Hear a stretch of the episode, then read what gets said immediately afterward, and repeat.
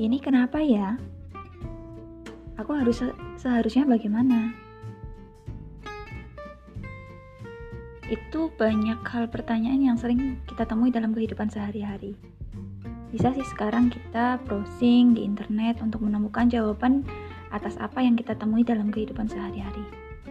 Tapi, tidak ada salahnya ketika kita melihat dan mendengarkan dari sudut pandang orang lain, detailnya seperti apa, bagaimana dia melihat atas sesuatu hal dalam perspektif dia.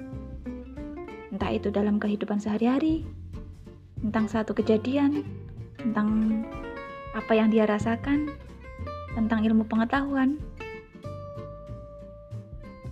Nah, bisa ditemukan di sini, bareng sama kita.